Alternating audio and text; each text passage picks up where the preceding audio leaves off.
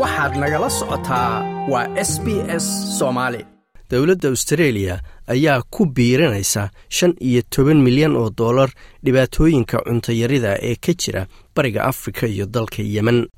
Soomaaliya roobabkii ayaan di'in xilli roobaadkii shanaad taasoo keentay cuntola'aan haysata malaayiin qof. Koonfurta soomaaliyana waxay qarka u saaran yihiin in lagu tilmaamo macaluul ama waxa faaminka la yidhaahdo gobolka baay oo ku yaalla koonfurta soomaaliya kumanaan qof ayaa buuxiyey xeryo ay deggan yihiin dadka dalka gudihiisa ka soo barakacay. Dadka deggan xeryahaas ayaa caadiyan ka kala yimaada gobollada oo dhan waxaana soo barakiciyey cuntayari wakhti dheer dalka ka jirtay. Si la mida kuwa soomaaliyana xoolo dhaqatada etoobiya iyo kenya ayaa isku dayaya inay xoolahooda badbaadiyaan iyagoo la tacaalaya abaartii ugu xumayd tobannaan sano. Graham strong oo ka tirsan hay'adda samafalka ee world vision ayaa waxa uu sheegayaa in dhibaatadan ama qulquladahan laga dareemayo gobolka oo dhan. Haddaan nahay dadka ka shaqeeya howlaha bini'aadanimada waxaannu aragno waa in cuntadii ay ka wareejinayaan dadka gaajaysan oo aannu siinayno kuwa macaluushu ay wajahday. waxaana keenay isbeddelka cimilada covid nneteen colaad iyo dagaalka ka socda ukrain waxaan la hadalnay dadka goobahaas ku sugan. Waxaana ogaanay in dhammaan xarumaheenna ay qaadanayaan go'aamo adadag oo ah inay kala dooranayaan cidda ay cuntada siinayaan iyo hadba goobta ugu baahida badan. Qaramada midoobey ayaa sheegtay in laba iyo labaatan milyan oo qof oo gobolka ay hadda wajahayaan macaluul oo nus milyan carruura oo da'doodu ka yar tahay shan sano ay soomaaliya khatar ugu jiraan inay gaajo u dhintaan sannadkan. Karen smoller waa xubin wax ka aasaastay xarunta shamba oo cuntada iyo cimilada ka shaqaysa. Waxay sheegtay in xaaladda bariga afrika ay joogto heer aan muddo dheer la arag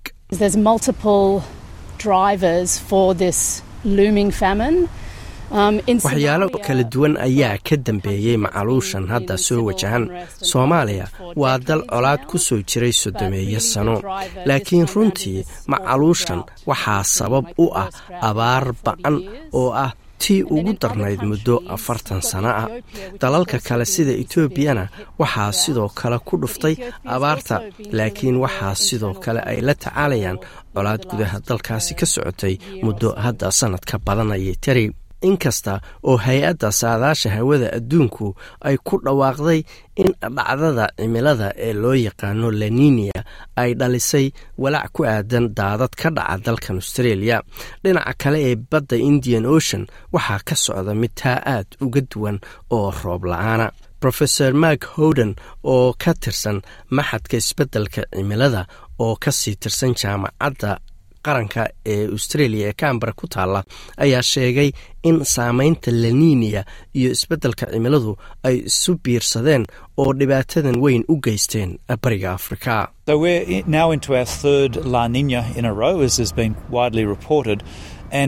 Waxaannu hadda ku jirnaa dhacdada cimilada ee laninia la yidhaahdo tii saddexaad oo isxigay sida la baahiyey ama la wariyey halka roobku uu ku batay australia wuxuu roobku ku yaraaday bariga afrika.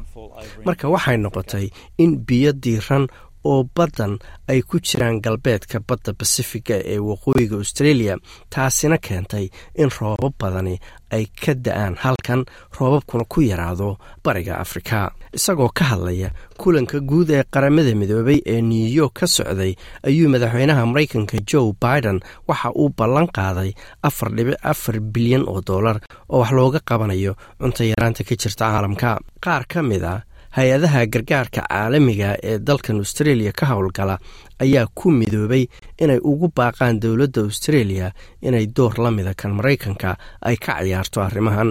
Mark borsel waa madaxa golaha horumarinta caalamiga ama gargaarka caalamiga ee australia.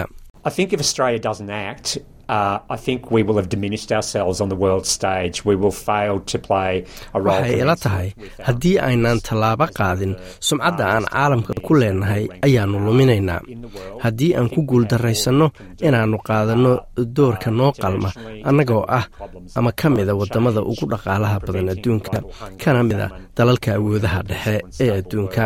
Waxay ila tahay inaan qayb weyn ka qaadan karno wax ka qabashada dhibaatooyinka waaweyn oo ay ka mid yihiin isbeddelka cimilada ka hortagga gaajada iyo macluusha in la dhiso adduun nabada oo xasiloon hadda ayaana la joogaayuu yidhi wakhtigii dowladda albanisi ay tallaabo qaadi lahayd.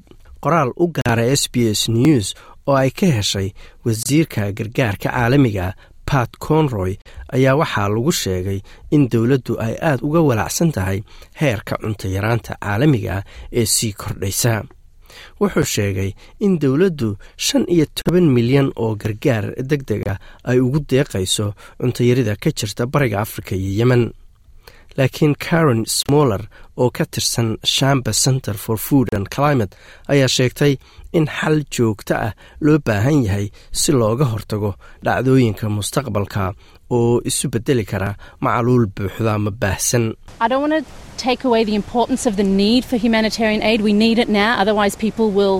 Ma doonayo inaan anugu waxun ka sheega muhiimadda baahida loo qabo gargaar bini'aadannimo hadda waa loo baahan yahay haddii kale dadku gaajo ayay u dhimanayaan sida aanu ku aragno soomaaliya. Laakiin haddii gargaar deg dega oo keliya aanu bixinno dhibaatooyinka noocan oo kalea way soo noqnoqonayaan. Sannadba sannadka ka dambeeya ayay tiri. Ma doonaysaa sheekooyinkan oo kale? Ka dhegayso apple podcast google podcast spotify ama meel kasta oo aad bodkastigaaga ka hesho